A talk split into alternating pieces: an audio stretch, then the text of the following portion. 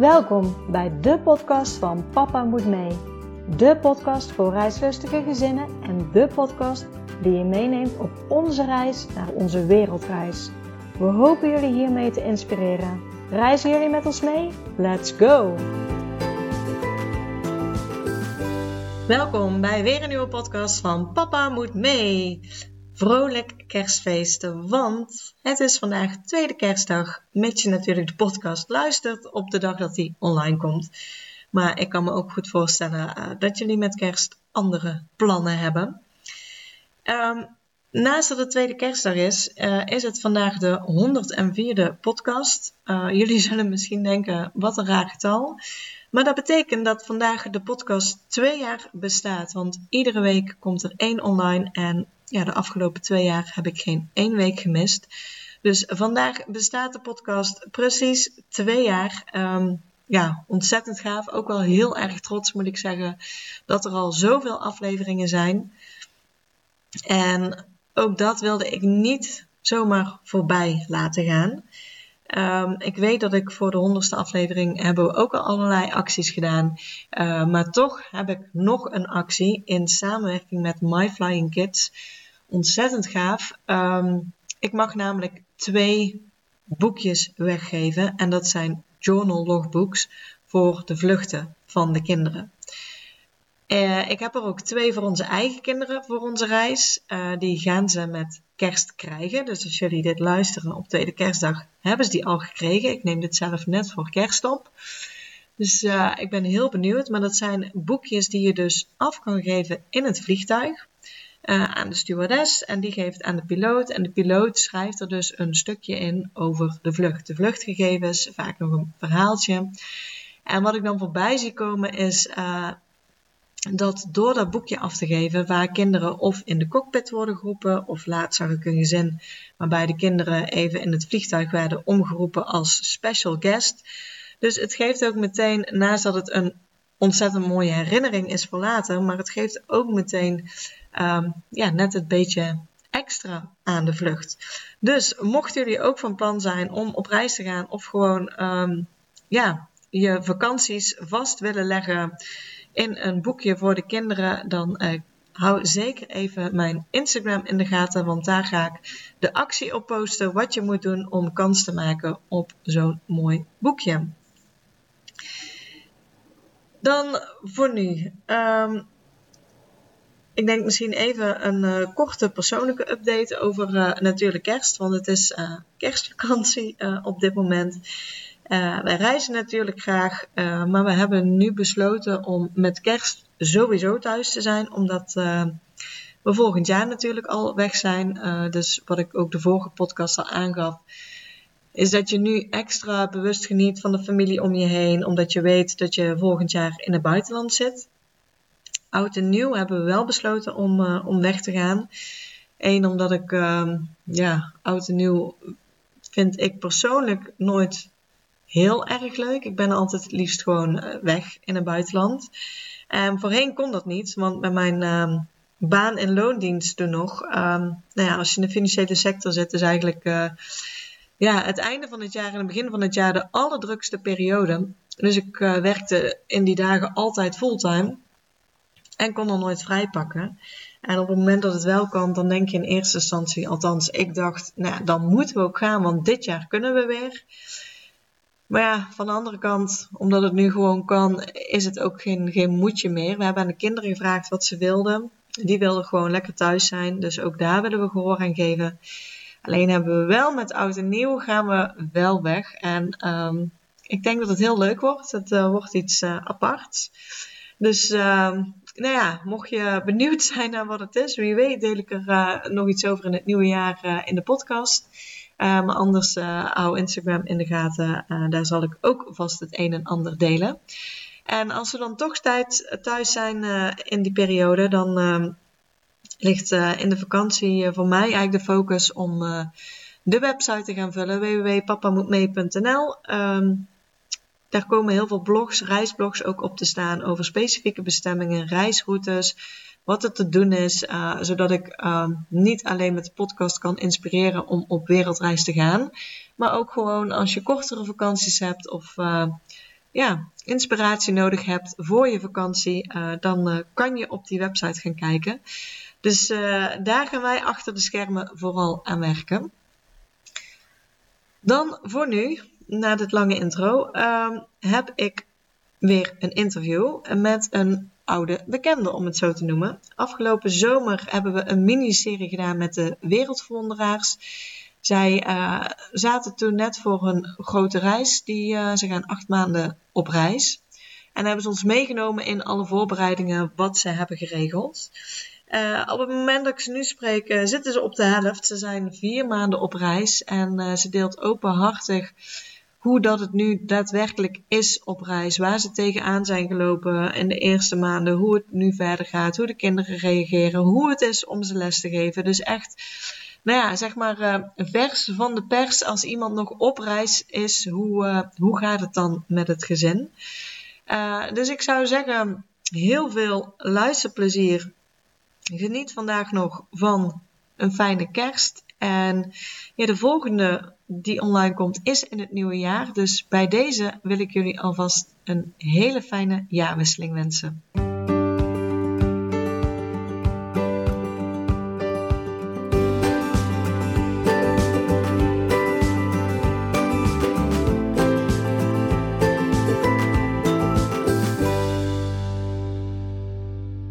Chantal, welkom bij de podcast van Papa Moet Mee. Hi. Ja, nou ja, we hebben jou uh, gesproken, die, ja, zeg maar van een driedelige miniserie. Die is uh, afgelopen zomer, dus in de zomer van 2020, uh, eh, is die online gekomen. Waarin ja. jullie ons mee hebben genomen toen de tijd in de voorbereidingen van jullie reis. Mm -hmm. En op dit moment dat ik jou spreek, zijn jullie op reis. ja, dat klopt. We zitten nu bijna op de helft. Ja. Ja, want uh, van waaruit spreek ik jou nu? Voor, voor de luisteraar, dan weten ze even waar jullie zijn op dit moment. Ja, wij zitten nu in een stadje in de Andes, dat heet Los Andes toevallig, en dat is in Chili.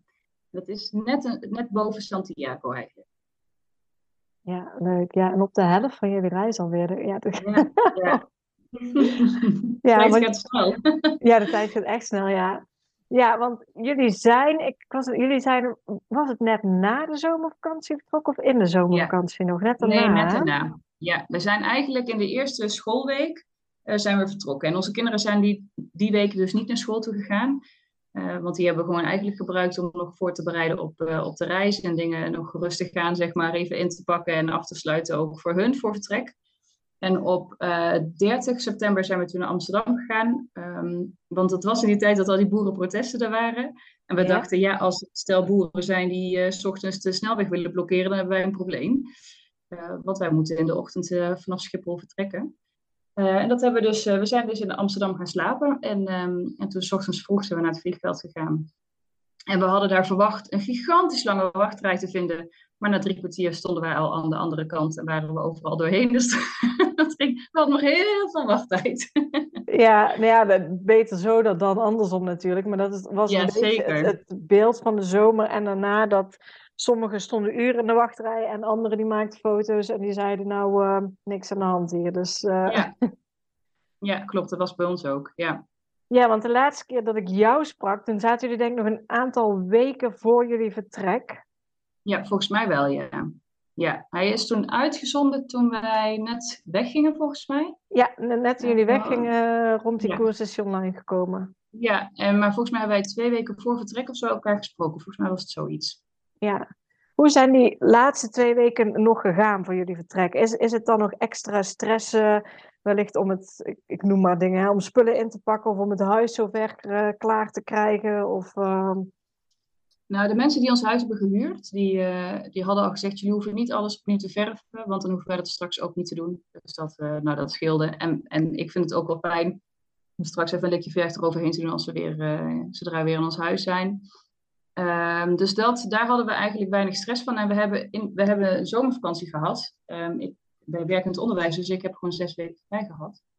Uh, en dat scheelde wel in de zin van dat we nog mensen konden zien. En um, we konden rustig dingen vast op zolder zetten. Maar uiteindelijk hebben we toch alles op het laatste moment pas echt uh, gedaan. Maar stress was het niet echt, maar wel even doorpoten. Um, en dat kwam ook omdat in de week voor vertrek, toen heb ik nog gewerkt. En dat was eigenlijk, ik zei ik werk in het onderwijs en ik, moest, ik heb de intro georganiseerd van, uh, van de uh, hogeschool, oh. van de, de, opleiding pedagogiek. Ja. Dus ik vond ook dat ik daarbij moest zijn en dat ik niet tegen een collega kon zeggen van, ja, jij hebt het niet georganiseerd, maar los het maar even op. dus ik heb eigenlijk zes weken vrij gehad en toen even een week me bemoeid met de introductie en toen ging ik weer. En dat was heel raar, dat weet ik nog wel. Dat was vooral heel gek om even met nog een voet zo op het werk te zijn en ondertussen ook weer weg te gaan. En, ehm, ja, achteraf gezien dacht ik ergens ook wel, waarom heb ik het in godsnaam uh, aangeboden? Maar het was ook wel uh, gewoon leuk om nog heel even wat, uh, wat te doen. dus daar ben ik toen, dat maakte dat het iets drukker was dan dat het anders geweest zou zijn, denk ik. En voor de rest, ja, eigenlijk werd het relaxter, want wij hadden in ons hoofd van de laatste twee weken willen we echt een beetje afstand van mensen houden. Want we moeten een PCR-test doen voordat we naar de VS gaan. En toen werd dat een maand voor vertrek werd dat, afgeschaft. Dus we, we, wisten al, we, hoeven, we, lopen daarin natuurlijk wel het risico dat we ziek zijn en alsnog niet kunnen gaan. Maar ja, ergens is dat altijd zo. Dus dat voor ons voelde dat niet als een extra risico, want we zouden niet getest worden. En uh, dat maakte dat we eigenlijk op het laatste moment ook nog gewoon lekker uh, nou, borreltjes hebben gehouden. En de kinderen konden lekker nog spelen met vriendjes en vriendjes. Dus dat, het was eigenlijk ook wel heel relaxed. Wat ik wel moeilijk vond, um, was uh, nou, afscheid van mijn oma's nemen. Die zijn allebei halverwege de, de 80. Ja, begrijp ik. En, een van mijn oma's, die, uh, nou, we hadden op dat moment het vermoeden dat ze dementerend zou zijn. En toen ik eenmaal op reis was, toen kwam de uitslag ook dat zij uh, inderdaad dementie heeft. En dat maakte wel, ik dacht, uh, jeetje, wat weet zij nog van, van wie ik ben als ik straks terug ben? Of uh, misschien zijn ze er niet meer. Of word ik halverwege gebeld van, ja, ze is overleden. Of een van de twee is overleden en uh, besluit ik om terug te gaan naar Nederland. En dus dat vond ik heel, heel moeilijk. Vond ik echt heel lastig, dat, dat afscheid. Ja, ja. moest echt wel flink van huilen. ja, dat snap ik. En, en als ik naar mezelf kijk, als je op reis gaat, tuurlijk ook, ook exhiberen op een weg. En ik denk dat iedereen dat heeft. Maar dat zijn wel dingen waar je rekening mee houdt. Als er maar niks met de mensen thuis gebeurt. Tenminste, ja. dat vliegt bij mij ook wel eens door mijn hoofd heen, inderdaad. Ja, ja zeker. En uh, kijk, nu ben ik goed bereikbaar. Maar we zijn in Amerika heel slecht bereikbaar geweest. En straks gaan we drie weken richting Patagonië. Ja, ik verwacht ook daar heel slecht bereikbaar te zijn. Dat voelt dan extra kwetsbaar, merk ik. Dat ik denk, ja, ik weet niet, voor hetzelfde geld kom ik uit Patagonië, heb ik allemaal berichten en is er iets gebeurd. Dat, nou goed, dat, dat komt soms wel eens in me op. Dat, uh, dat merk ik wel. Maar over het algemeen ben ik er wel uh, heel ontspannen over. ja. ja. die, die laatste week voor vertrek zijn er ook pas zaken die je dan pas kan regelen. Bijvoorbeeld um, uitschrijven uit de gemeente. Dat kan pas vijf dagen voor vertrek. Hoe is dat bij jullie gegaan? Kreeg je daar nog gekke vragen over van de gemeente? Deden ze moeilijk met, met uh, dat je per se een ander adres moest opgeven? Ja, nou wij hebben in eerste instantie um, hebben we aangegeven dat we acht maanden weg gingen. Bij ons was het twee opties. Of je geeft aan dat je tot en met acht maanden weg bent, of acht maanden of langer. En ik vond dat een beetje spannend van wat moet ik nou invullen, want we gaan acht maanden weg, maar die leerplicht vereist zeg maar hè, dat je acht maanden weg gaat om je uit te kunnen schrijven. Dus toen hadden we gezegd acht maanden en langer, zeg maar voor de zekerheid. Toen werd ons postadres daarop afgewezen, want dan zouden we op moeten geven voor emigratie. Nou, dus dat was even een beetje een gedoe, even een beetje raar eigenlijk vond ik het. Dat hebben we uiteindelijk gedaan. Dus we hebben gezegd dat we naar Amerika gingen emigreren, omdat dat onze eerste bestemming was. Ja, en dat was het. Toen kregen we te horen dat dat prima was. En ik heb nog gebeld met de Belastingdienst en die zeiden van ja, uh, je, inderdaad, als je ergens anders gaat werken, moet je bij terugkomst een M-formulier invullen. Maar bel dan nog maar een keer, want als ik je zo hoor, ga je volgens mij geen geld verdienen. Dus kijk maar of je een gewone aangifte kan doen. Dus dat is ook een beetje zo in het midden, dus dat zien we wel eens. Uh, Oké, want ik, ik, hoor inderdaad verhalen over M-formulieren. En ik, hoop ook, ik hoor ook wel dat ze die tegen kunnen houden. Maar de Belastingdienst geeft dan als criteria eigenlijk aan... als je in het buitenland werkt, moet je zo'n M-formulier invullen. En als je niet werkt, dan mag je een gewone aangifte doen. Ja, precies. Nou, we gaan toch niet werken. Nee, dat, is het allerbeste.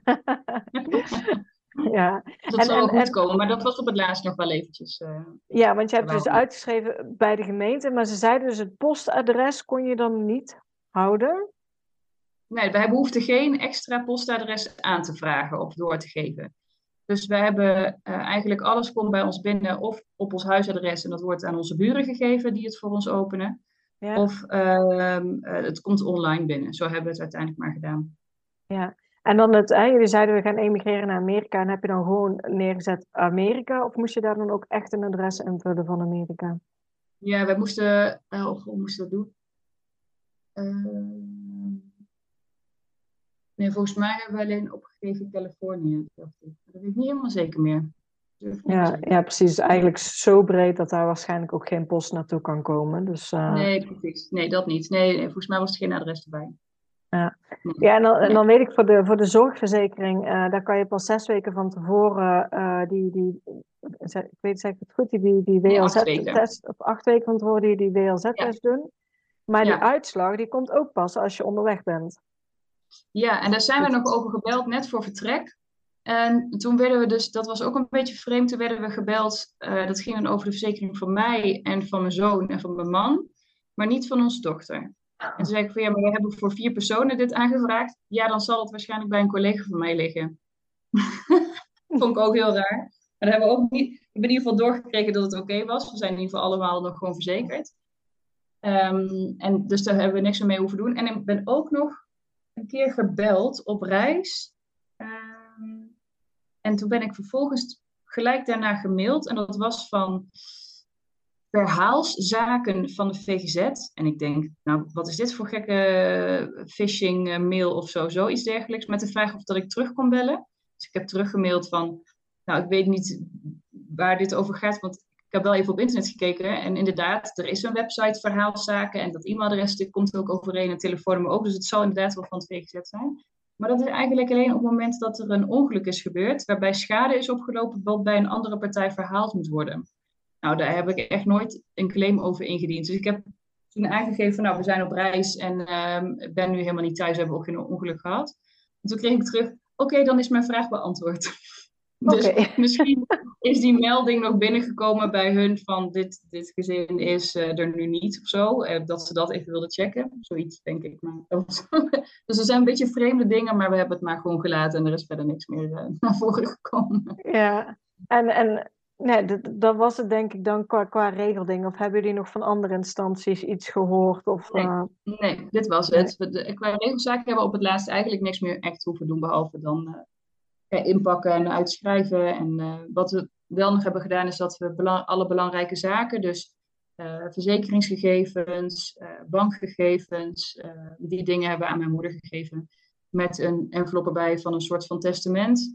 Um, en wat we ook hebben gedaan is dat we bij, uh, bij de website van rechtspraak hebben we een, een, zeg maar een tweede voogdij aangevraagd voor, voor het geval dat wij komen te overlijden. Dus dat onze kinderen direct onder voogdij staan van degene uh, die wij hebben aangewezen. Mm -hmm. En dat, dat geeft mij altijd wel een beetje een naar gevoel met zulke zaken bezig te zijn, zeg maar. Uh, maar de, ik vind het wel zo belangrijk dat ik dat dan moet doen. En de kinderen weten ook dat we dat zo geregeld hebben. En dat, dat is ook wel heel erg fijn. Ja. Dus uh, die gegevens liggen dan ook mijn moeder.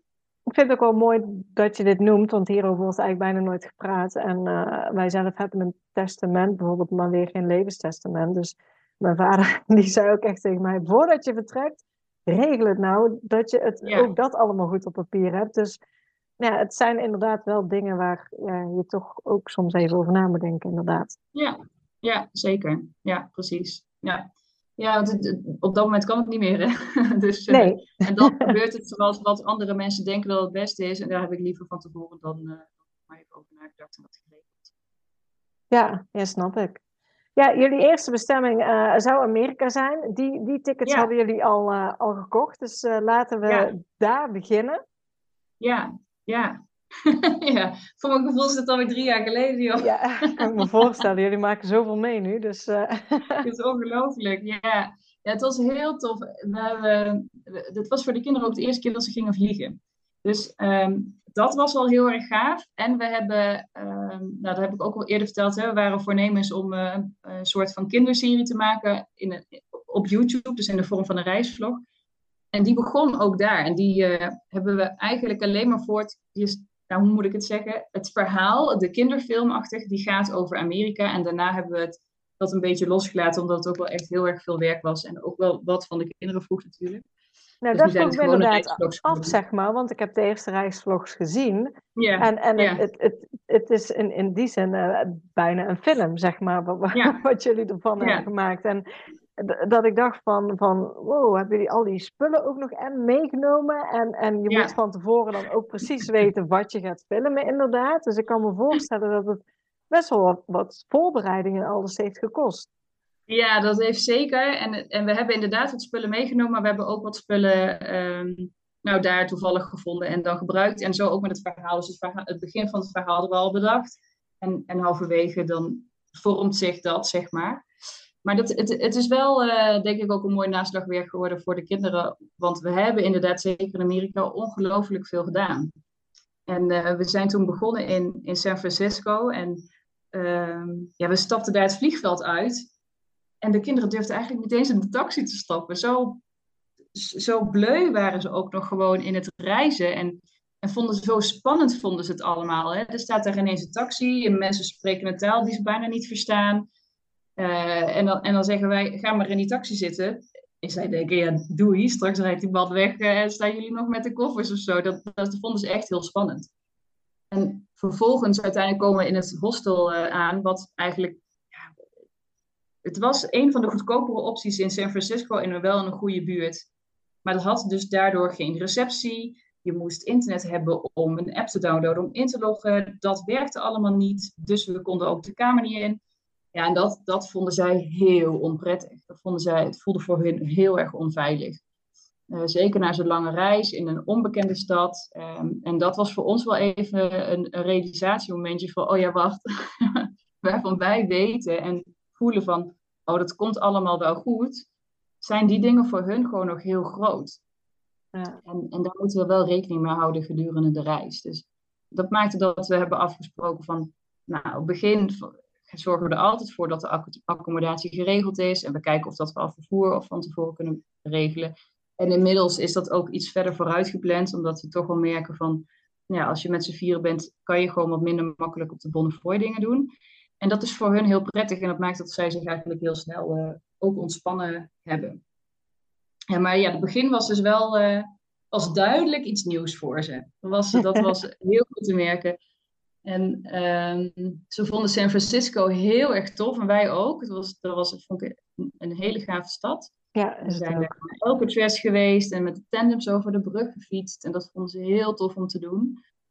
Uh, dus daar hebben we eigenlijk ons, ons goed vermaakt. Um, en vervolgens zijn we, hebben we een auto gehuurd en zijn we naar richting Yosemite gereden. Ja, daar kom je dan ineens in Bear Country. Ja. ja, dat kennen wij niet. dus dat voelt ook een beetje spannend. Um, maar eigenlijk is het heel simpel. Doe geen geurende spullen in je tent en dan, uh, dan komt dat wel goed. Dat is het eigenlijk ook. Dat, ja, eh, ze hebben neem ik aan ook op de campings overal van die kisten staan, toch? Waar je eten in kan... Uh... Ja, precies. Ja, en je toiletspullen en al die dingen meer. Ja, s'nachts moet je ook wel eens naar de, naar de wc. Dat is toch een beetje spannend. Ja. uh, maar voelt ook wel heel avontuurlijk. En, en dat was eigenlijk... We kwamen halverwege, zeg maar onderweg naar Yosemite, hebben, zijn we ergens gaan kamperen bij een, een camping met een heel groot bergmeer.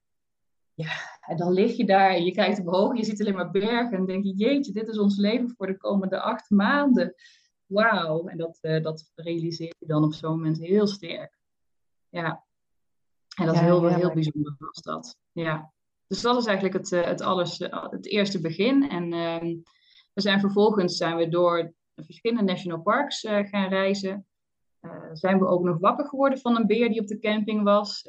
Oh. Waarbij ik ineens dacht, chips.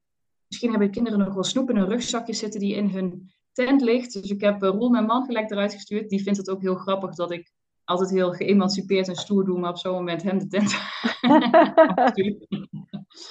En s ochtends uh, hebben we even die tassen nog even gecheckt. En inderdaad zat nog snoep in die tassen. Dus ik ben achteraf blij dat ik dat nog uh, even heb bedacht. Jij, zij ruiken echt alles.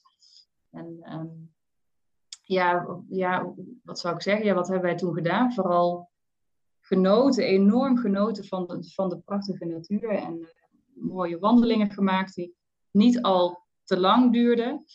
Um, want ja, soms dan zie ik van die foto's op Instagram en, en, filmpjes en dan denk ik, oh mijn god, die kinderen die kunnen allemaal zo hiken en, en die van ons niet.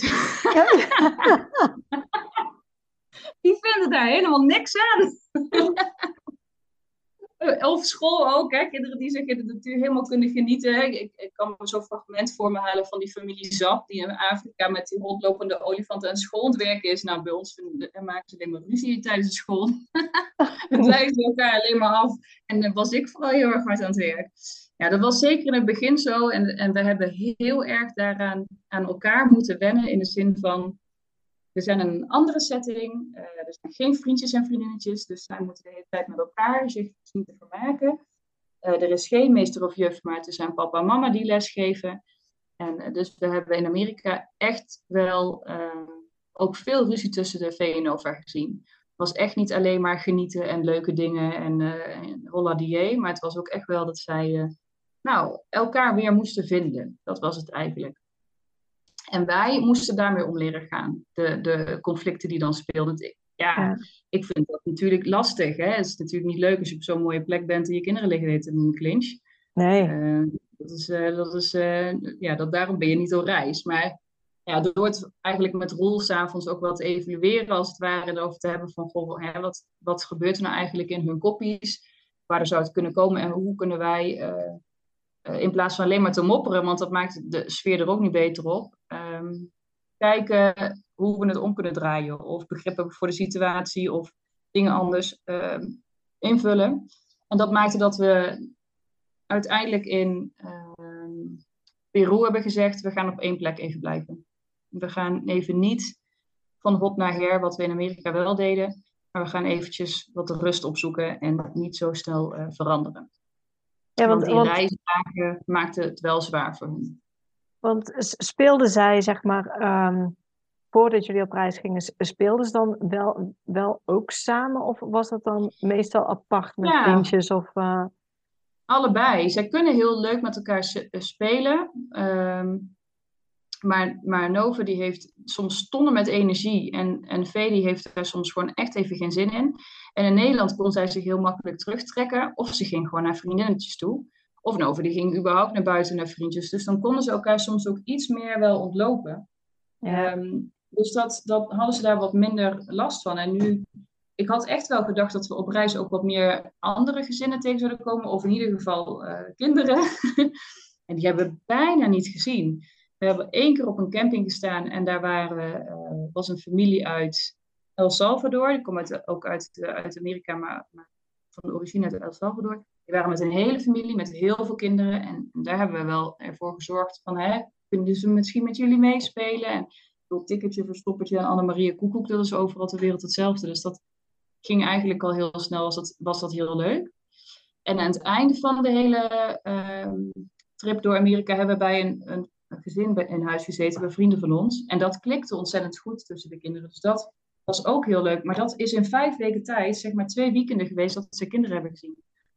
Uh, dus dat is niet zo heel erg veel geweest. En dus dan ben je echt op elkaar aangewezen. Ja, ja, precies. Dus met name die, die balans moesten hun ook weer even terugvinden. Ja, ja en, ik, en ik denk ook het idee van, oh jeetje, wat zijn we lang weg want dit, we zijn nu nog maar twee weken weg, dus dat duurt nog heel lang, zeg maar. Zij ja, dat het begin even... ja. ja, Vee had daar echt wel uh, uh, moeite mee. Het idee van, ik ga iedereen heel erg missen, want ik ben heel lang weg, zeg maar. Dat, dat is eigenlijk wel grotendeels weg. Natuurlijk mist ze mensen, maar het gevoel van, oh, het duurt ellendig en ik kan het niet overzien, dat is weg. Dat is wel heel fijn. Dus ik zie ook dat zij allebei nu veel meer kunnen genieten en... Uh, en tuurlijk hebben ze hun kibbelmomentjes, maar het is niet vergeleken. Standaard, hè? Ja. ja. Ja, dus dat... Uh... En, en schoolwerk, hebben jullie dat meteen in Amerika meteen ook opgepakt? Of, of hoe zijn jullie daarmee omgegaan? Nee, dus dat was eigenlijk ook best wel zoeken. Want we hebben, ik dacht, in Amerika hebben we overal wel internet, maar dat was dus niet. Zeker in die national parks is het internet heel slecht ik heb ook voor het eerst ontdekt dat je verbonden kan zijn met wifi en geen internet kan hebben. Dan staat er een uitroepteken bij. Ik kende dat hele, ik denk wat is dit nou weer, maar dat, dat is heel vaak dus gebeurd. Ehm, en wij hadden eigenlijk met school afgesproken dat alles online zou staan. Dus we, ik heb de eerste paar dagen heb ik uh, sommetjes op staan schrijven. Ja, op een gegeven moment was ik er wel een beetje klaar mee. Ik, iedere, ik weet niet eens of dit wel van toepassing is op de stof die zij moeten behappen. En, uh, en dan ga ik uh, iedere keer sommen bedenken. dus dat die hebben we besloten eigenlijk dat we dat een beetje los zouden laten. En toen hadden we uiteindelijk internet. En toen bleek dat, dat school daar veel minder op had gezet dan dat we hadden gedacht. Uh, dus we hebben er ook nog een beetje achteraan moeten mailen van, goh, staat, kan er misschien dit nog op komen of dat op komen. Um, dus dat, dat was zeker de eerste maand even wat zoeken. En toen we in Peru aankwamen, ja, wat ik zei, we waren eigenlijk voornemens. En het is, het is, handig als je dit zou zien, dus ik ga het even omschrijven.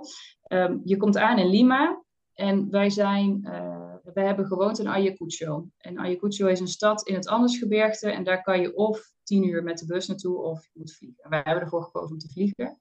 Maar zouden we dan naar Cusco willen voor Machu Picchu, zouden we eerst weer terug moeten naar Lima, dan naar Cusco. En als we dan ook nog naar bijvoorbeeld Huaraz of naar het strand ergens zouden willen, moesten we weer terug naar, naar Lima om vervolgens daar weer in te gaan.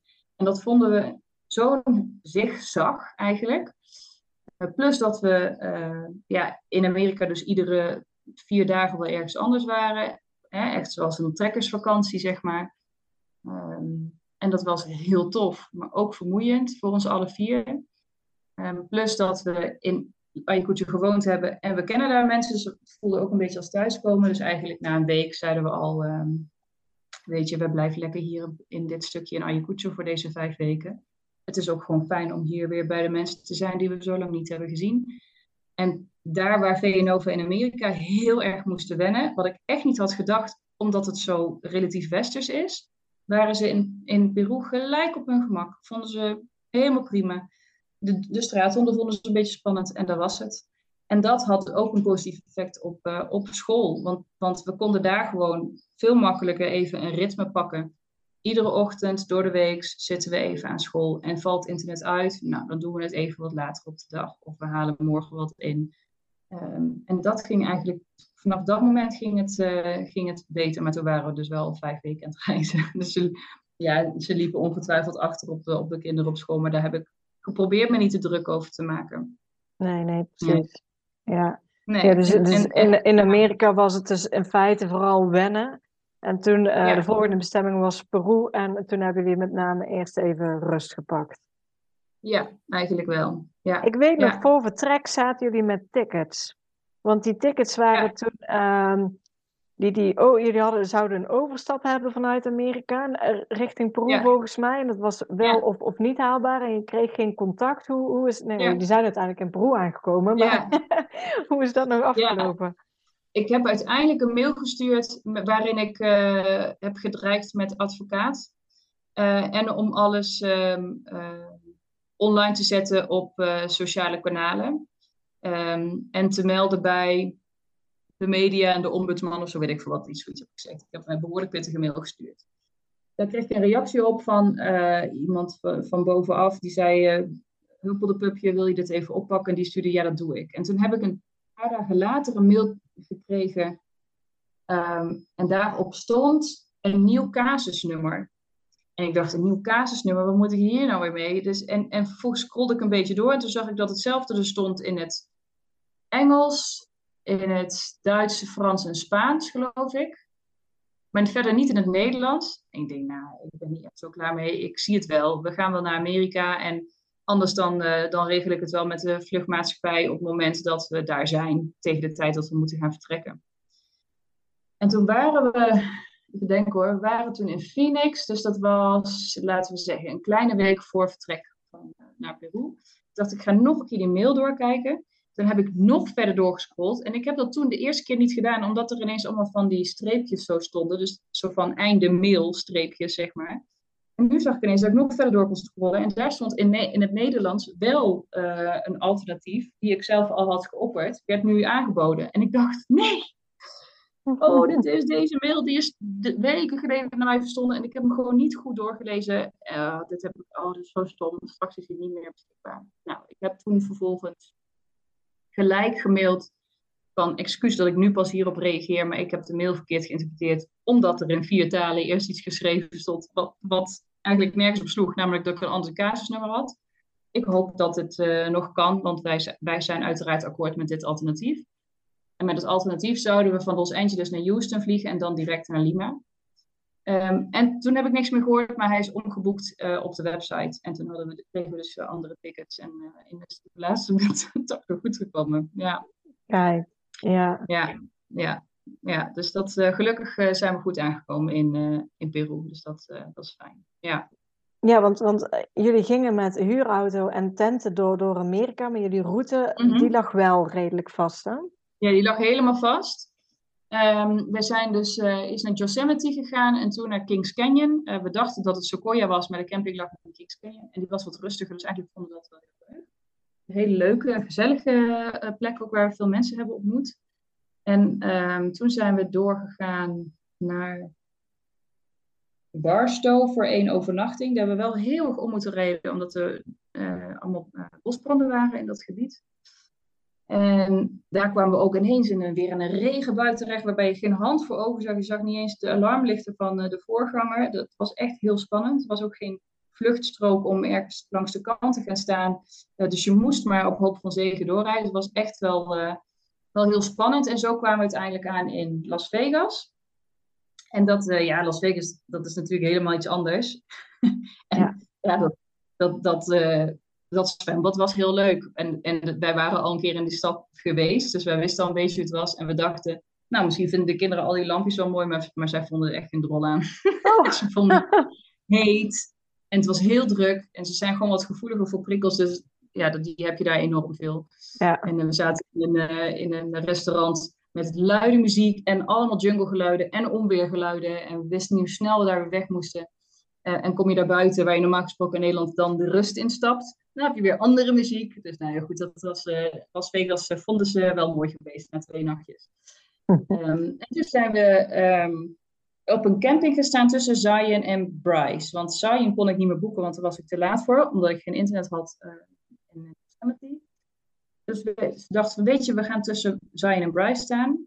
En het was een prachtig plekje, maar steenkoud zodra de zon onderging. Ja, en we hadden echt geen, ja, we hadden thermo bij ons, maar uh, zelfs met extra dekens over onze zomerslaapzakjes hadden we het nog uh, steenkoud. Omdat het s'nachts gewoon ja, bijna voor, eigenlijk voor het. We werden de één ochtend wakker en lag gewoon ijs. Oh, ja. Uh, ja, dan, dan, dan, dat was echt heel koud. En toen hebben we besloten, omdat Bryce ook zo koud zou zijn, om de boel daarin wel een beetje om te boeken. Dus we hebben toen Bryce geannuleerd en zijn daar als een dagtrip naartoe gegaan. Net zoals Zion. En we zijn toen doorgereden naar Monument Valley. Die, daar konden we niks boeken. Dus eh, dachten we, nou dan gaan we daar gewoon twee nachtjes op camping staan. We hebben één nachtje van gemaakt, omdat er drie, storm, uh, drie storms over, uh, over Monument Valley heen zou komen. Ja, dan heb je daar gewoon niks, want je zit gewoon, ja, je hebt niet amper bomen, zeg maar. Je zit er gewoon in the middle of nowhere. Ja.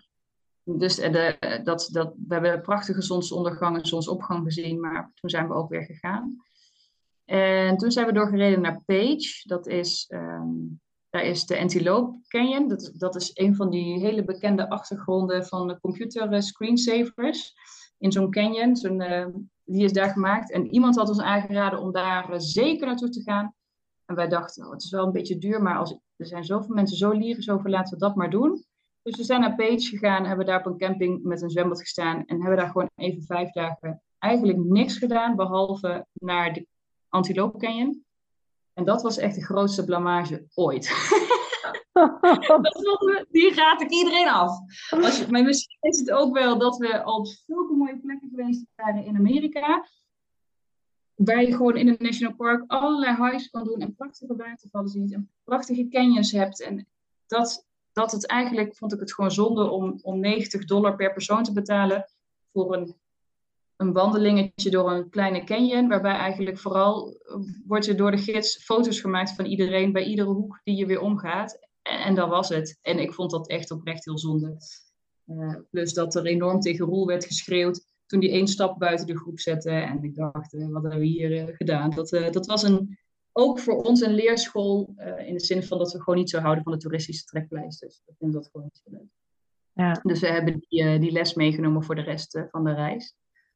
En na Page zijn we doorgereden naar de Grand Canyon. En daar heeft, hebben we verschillende hikes gemaakt met de kinderen die voor het eerst ook echt goed gingen. Waarbij we ze eigenlijk één op één. Dus ik ben één dag met Nova gaan hiken en één dag met Vee. En, en dan heb je ook een uitje gelijk met, met je kind, zeg maar. En dat was heel erg leuk. Ja, dat is ook wel fijn. Een beetje één op één weer even. Ja, precies. En, en daar van die grote elanden gezien. En s'nachts hoorde je allemaal coyotes janken. En ja, was echt, echt heel tof. Roel die heeft een hele lange hike gemaakt. Waarin hij ook echt heel vroeg in de ochtend moest vertrekken. Um, dus dat was heel erg tof. Was ja, ik vond het leuk om wat langer in de Grand Canyon te zijn. En daarna zijn we dus bij, uh, bij die familie, ja, die vrienden van ons in huis gegaan. En dat was ook weer heel tof. Want ja, ineens ben je niet de toerist, maar deel je het familieleven van een Amerikaans gezin. Uh, die ons meenamen naar een rodeo en de voetbalwedstrijden, de American voetbalwedstrijden van een zoon.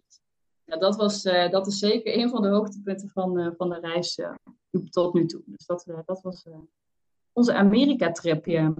ja, gaaf. Ja, en daarna dus Peru, waar jullie ja. eigenlijk dus ook van alles in gedachten hadden, maar Peru werd dan eigenlijk het stukje rust in de reis. Ja, ja, ja en dat was heel fijn. Het, was, het voelde echt even als thuiskomen. Het was fijn om weer bij onze oude uh, werkplekken te zijn en wat oude collega's te zien. En uh, die heeft ook wat kinderen gezien die die destijds begeleid heeft. Dus het is gewoon ook heel fijn om te zien dat ze goed terecht zijn gekomen. En, ja, mooi. E, dat de een nu een psycholoog aan het of studeren is, psychologie aan het studeren is. En een ander die heeft een, haar eigen gezin wat gewoon goed gaat. En een jongen die is nu kok in een restaurant. En ja, dat is gewoon dat is heel fijn om, om te zien en, en gewoon daar te zijn. En ja, we kennen het natuurlijk allemaal al, maar om ook de kinderen dat te kunnen laten zien. Um, en ik ben daar met Vee, we zouden eigenlijk met z'n allen een hike gaan doen van, met een overnachting, dus met bepakking.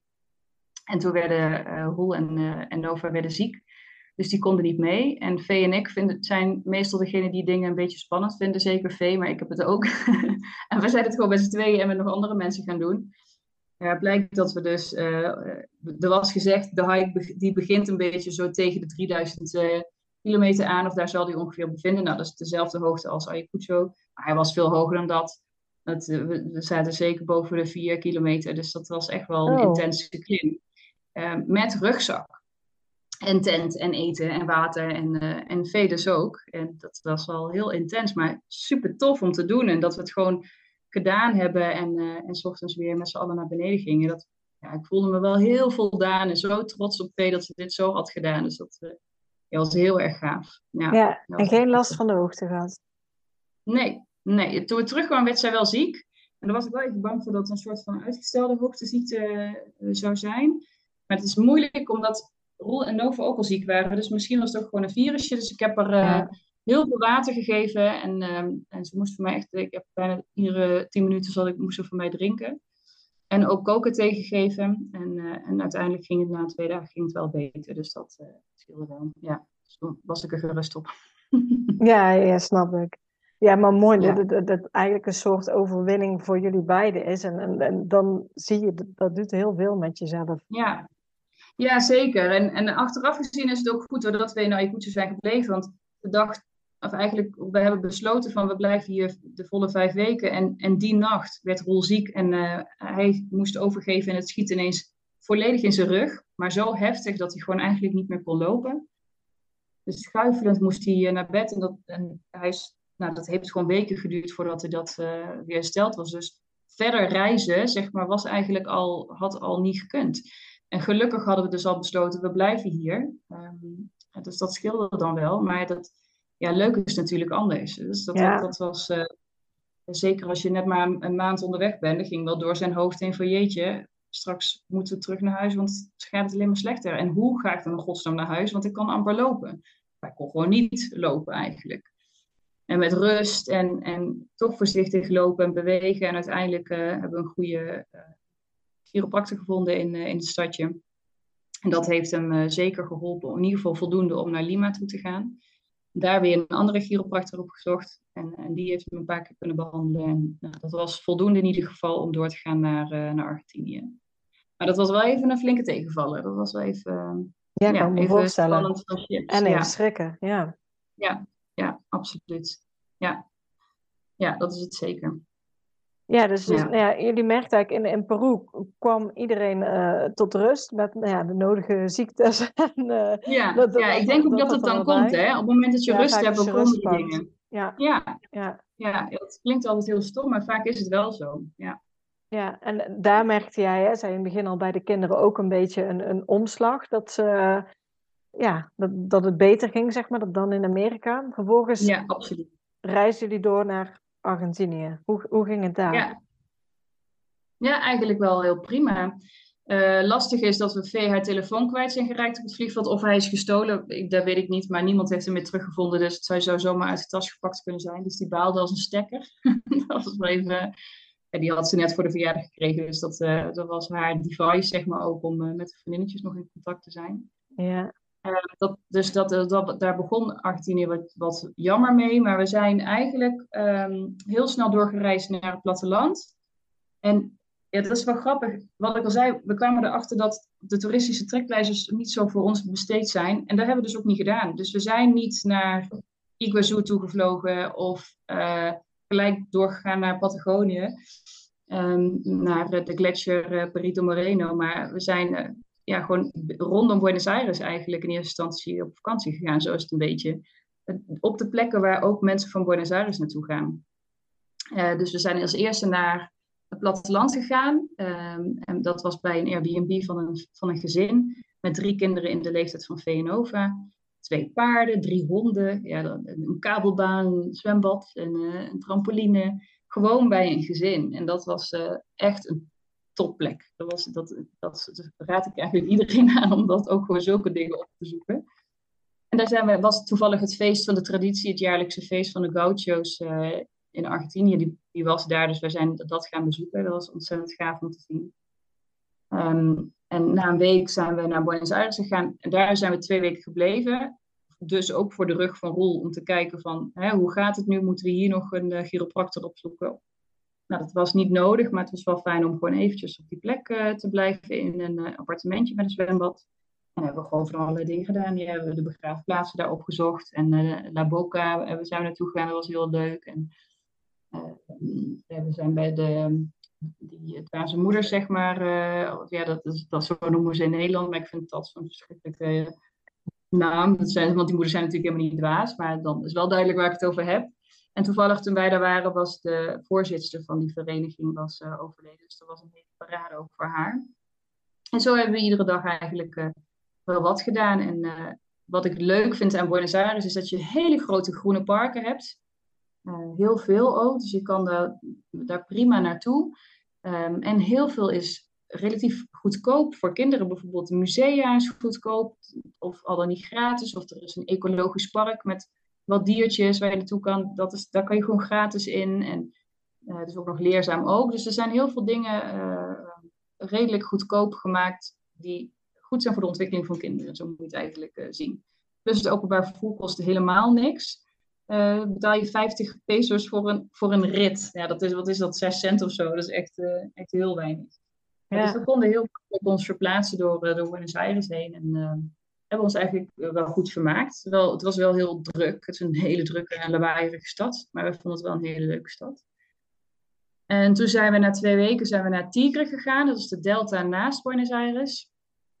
En daar ehm, gaan mensen vaak maar één dag naartoe. Wat ik heel raar vind, want het is een waanzinnig mooie plek.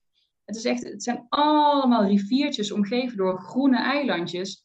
En je kan daar dus heel makkelijk via Airbnb's daar blijven. En dat, daar hebben we de Sinterklaas gevierd met uh, surprises en gedichten, een cadeautje en, um, en roze verjaardag.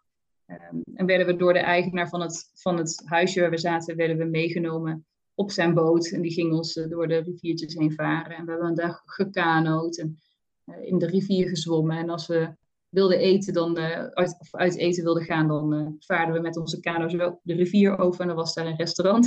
ja, ja, dat is zo ja. ja, dat is echt fantastisch. Ja, dat was echt heel leuk. En je hebt dus ook een aantal honden op dat eiland. En dat zijn, die horen dan wel bij een gezin of bij een familie, maar die gaan gewoon hun eigen weg. Dus we hebben vijf dagen lang een hond gehad bij ons huis. Die had besloten dat hij voor die dagen onze hond was. Dat vonden de kinderen natuurlijk ook helemaal te gek. Ja. En dan ging hij af en toe eventjes weg en dan kwam hij weer terug en hij sliep altijd bij ons. Dus dat uh, was superleuk. En dat, dat is eigenlijk wat we in, in Tigre hebben gedaan. En daarna zijn we naar um, Mendoza gegaan. We hebben heel erg gepuzzeld, want eigenlijk wilden we graag naar Bariloche en dan via Bariloche naar Santiago.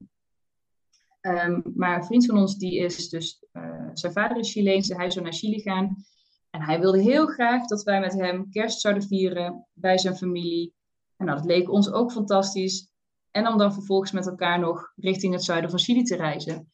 Maar ja, als wij al vanuit het zuiden omhoog gaan en dan weer met hem terug en dan weer omhoog naar Chili om vanuit Santiago te vliegen, ja, dan zien we drie keer dezelfde weg. Dat is ook een beetje jammer.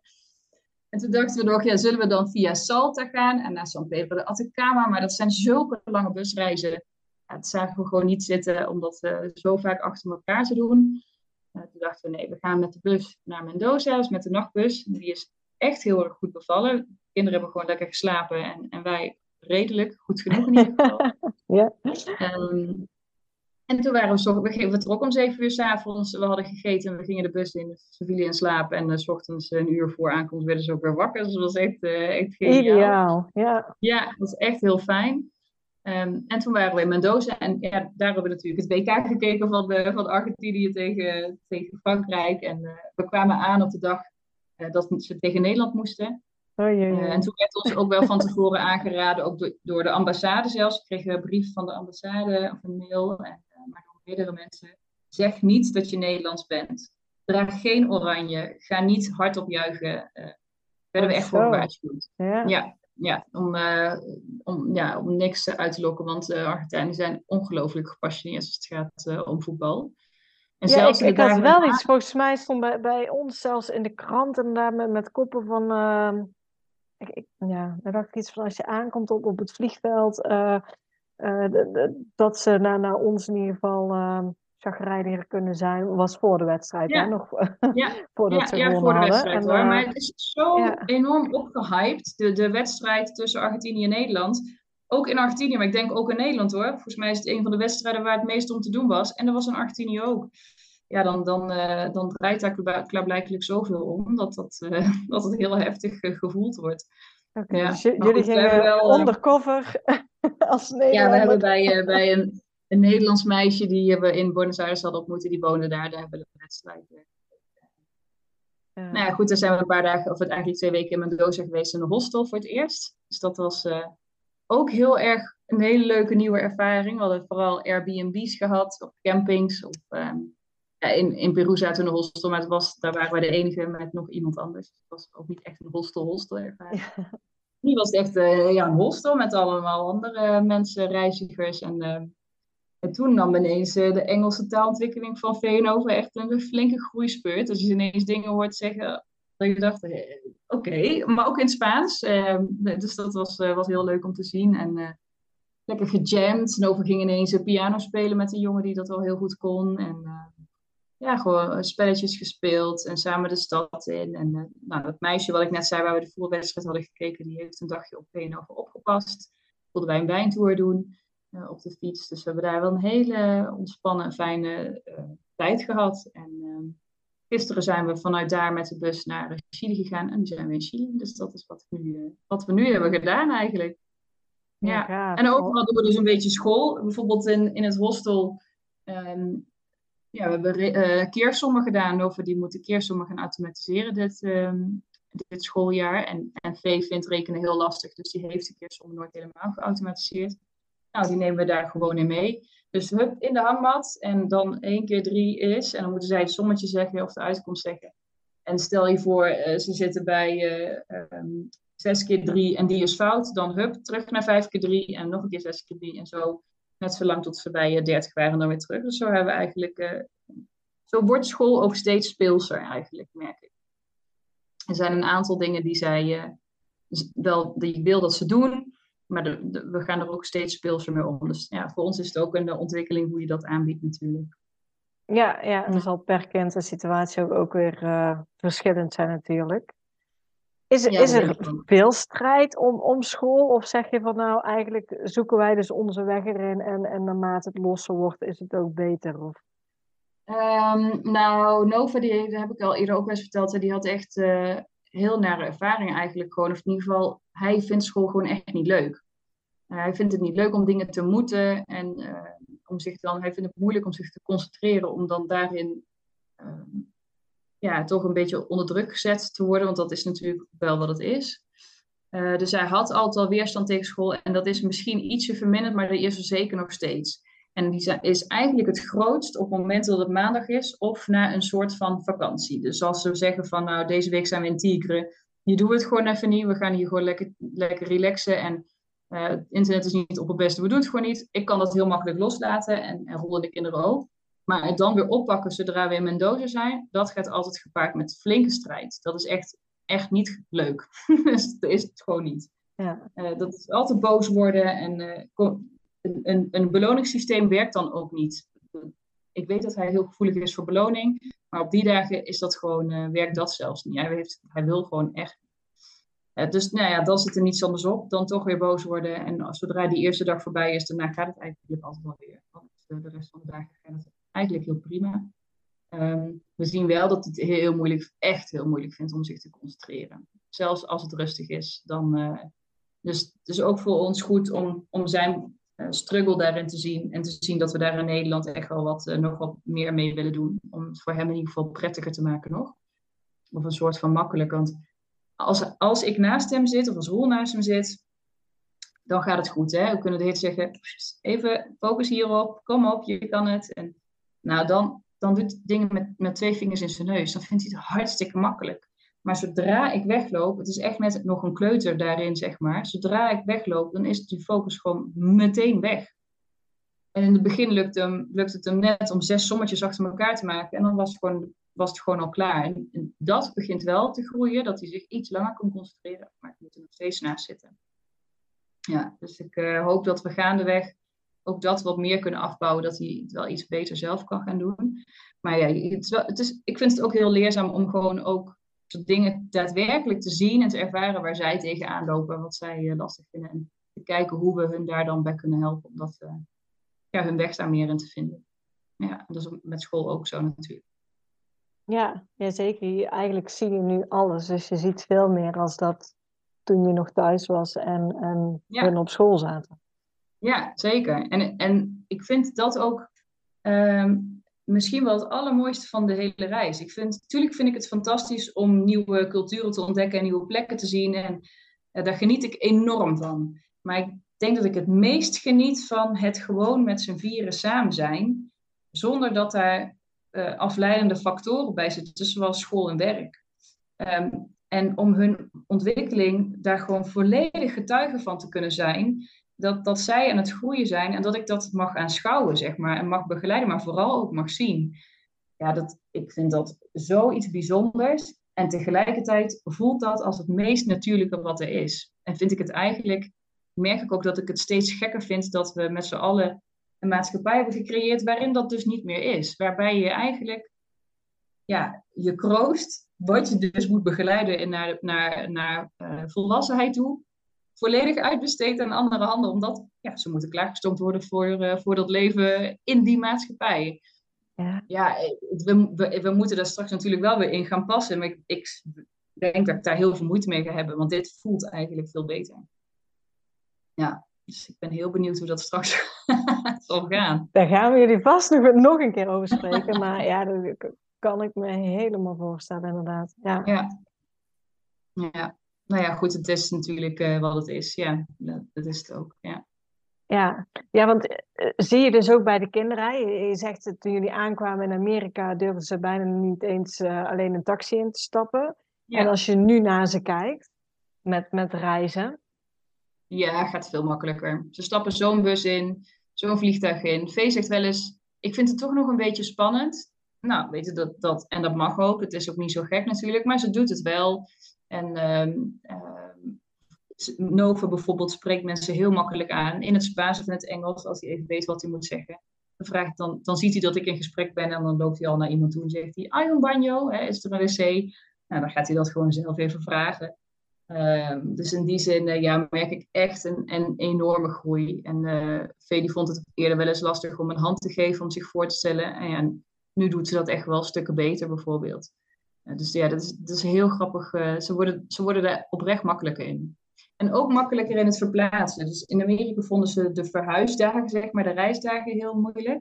Ja. En, en lagen ze dan nog meer met elkaar aan de clinch.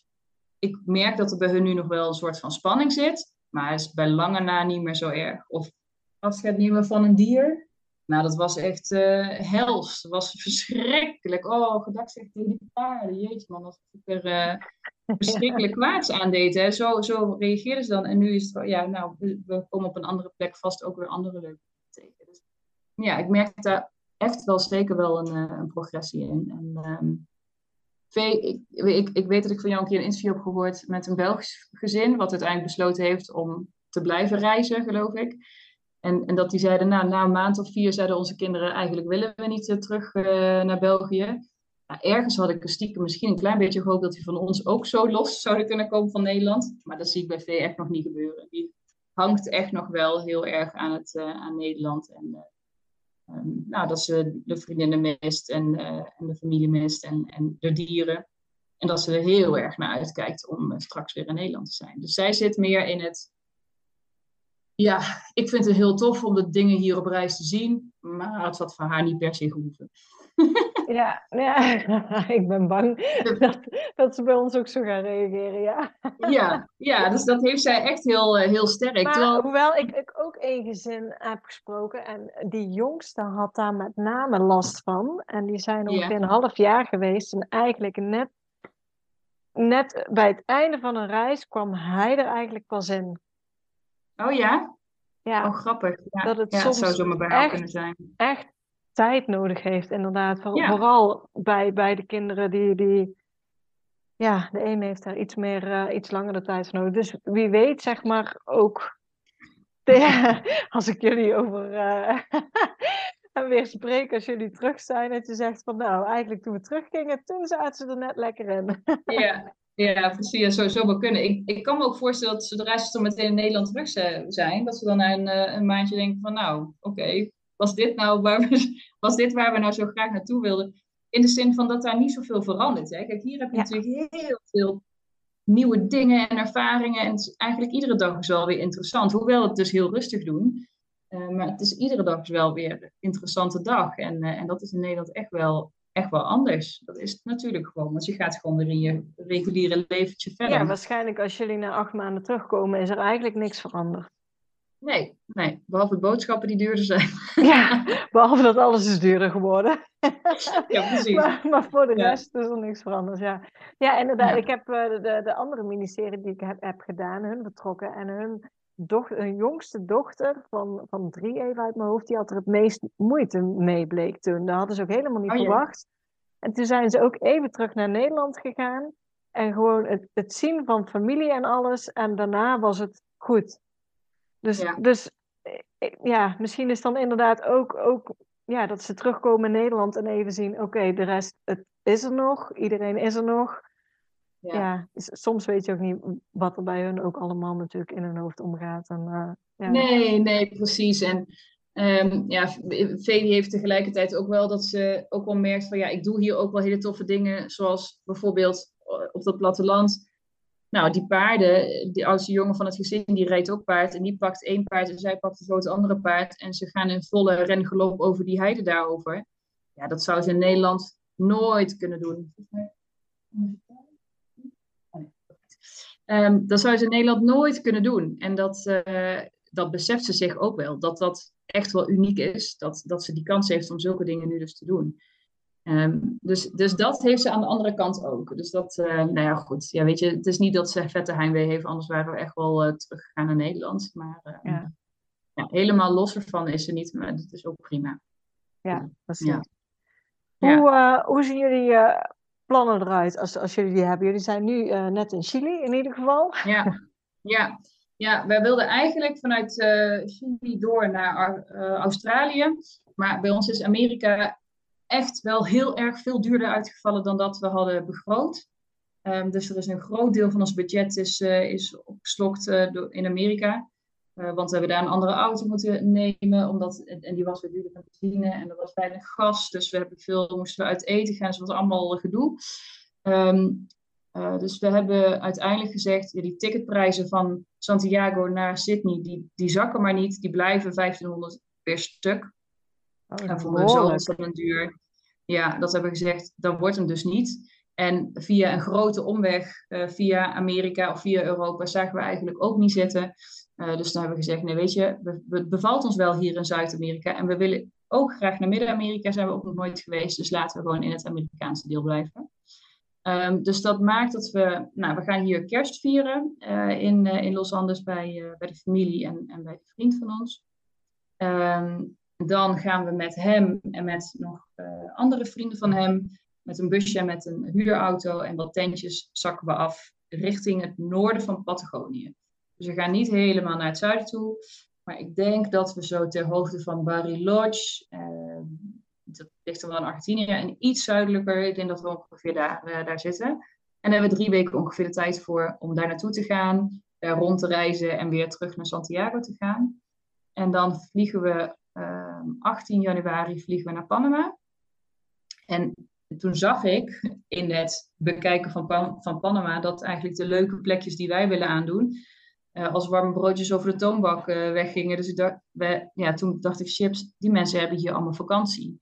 Um, vanaf nu, zeg maar, uh, hebben ja. de Zuid-Amerikanen drie, drie maanden vakantie. Ja, drie dat, maanden dat ook? Zo. Ja, zij hebben geen vakantie gedurende het jaar, maar drie maanden in hun Ah, zomer. Want dan is het oké. zo ontzettend heet. Ja, dan, heeft iedereen gewoon vrij. Maar dat maakt ook dat, uh, dat alle accommodaties sneller vol zijn. Dus we hebben het ook besloten om Panama uh, gewoon meer te gaan plannen. En, uh, en dat hebben we gedaan. We hebben eigenlijk alle bestemmingen in Panama hebben we al geboekt. En dan wisselen we een beetje tussen Airbnb, hostel, appartementje, zeg maar zo. En daarna gaan we door naar Costa Rica. En daar hebben we de eerste twee plekken al van, uh, van geboekt. En dan zitten we als eerste aan de Caribische kust. Uh, waarbij we dan in een oud, een beetje een reggae vibe uh, stadje zitten, zeg maar. Het schijnt een beetje een Jamaica-achtig sfeertje te hebben. En daarna gaan we ietsje omhoog. Daar zitten we twee weken op een ranch. in de jungle, aan het strand. Ja, nou, wat wil je nog meer natuurlijk? Dat is natuurlijk Klinkt heerlijk, ja. En dan zitten we, denk ik, nou, ongeveer twee maanden in Costa Rica. En dan vliegen we uh, eind april uh, terug naar Nederland vanaf daar. En dan, uh, die ticket hebben we ook al geboekt. Dus we weten nu al hoe de reis er een beetje uit gaat zien. Waar we gaan zijn ongeveer. Costa Rica moeten we nog wat meer bekijken. Ehm, maar het is helemaal geen groot land. Maar er is zo verschrikkelijk veel te zien en te doen. Dat ik gewoon bijna niet kan kiezen. Ja. Tegelijkertijd is alles heel mooi. Dus het maakt eigenlijk ook niet uit waar we naartoe gaan. Nee. Dus dat, dat, uh, dat ligt nog op de planning. Ja, mooi. Ja. ja, ja, we hebben ook heel veel zin in. Echt heel veel zin in. We hebben nu een hele periode heel heet weer gehad. Het is hier overal 34, 36, 40 graden soms zelfs. Um, dan gaan we straks lekker een beetje naar een iets koeler gebied uh, richting Patagonië. En dan weer uh, naar de Caribische warmte en de warme zee en zo. ja, heerlijk. Ja. ja, ja, heel lekker. En ik merk ook wel, als ik dan denk van, oh ja, 1 mei zijn we straks weer in Nederland. Uh, heb ik heel veel zin om iedereen wel weer te zien. Daar kijk ik wel heel erg, heel erg naar uit. Um, maar ik heb geen zin in het weer oppakken van de sleur en, um, en de dagelijkse gang van zaken. Daar heb ik helemaal geen zin in. Maar het, het weerzien, daar kijk ik wel erg naar uit. Ja, ja, ja dat kan, ik, kan ik me zo voorstellen inderdaad. Um. Ja, ja precies. Yes. Ja. Ja, ja, ja, ik vond het uh, heel leuk om, om jou weer te spreken. Heel leuk, zeg maar, om ook gedurende de reis van iemand te horen hoe dat het ervoor staat. Dan is het natuurlijk uh, ja. nog extra vers, zeg maar, uh, allemaal. Ja. En uh, ja, ik ben natuurlijk ook heel benieuwd naar jullie laatste vier maanden. Dus ik zou het leuk vinden om jullie ook weer te spreken als jullie ja, in, in mei ergens weer terug zijn in Nederland. Ja, zeker. Gaan we absoluut doen. Gaan we absoluut doen. Dan heb ik vast weer een hele hoop leuke dingen te vertellen. Daar ga ik in ieder geval vanuit. Dus dat... Nou, daar ga ik ook vanuit, ja. ja en uh, ja. voor nu, uh, ja, geniet nog van jullie reis. Gaan we zeker doen, dankjewel. En jullie succes met alle voorbereidingen. Super bedankt voor het luisteren naar deze podcast. Ik zou het heel leuk vinden als je ons volgt op Instagram. Papa moet mee. Deel deze vooral in je stories als je hebt geluisterd en tag ons en laat ons weten wat je ervan vond. Tot de volgende keer.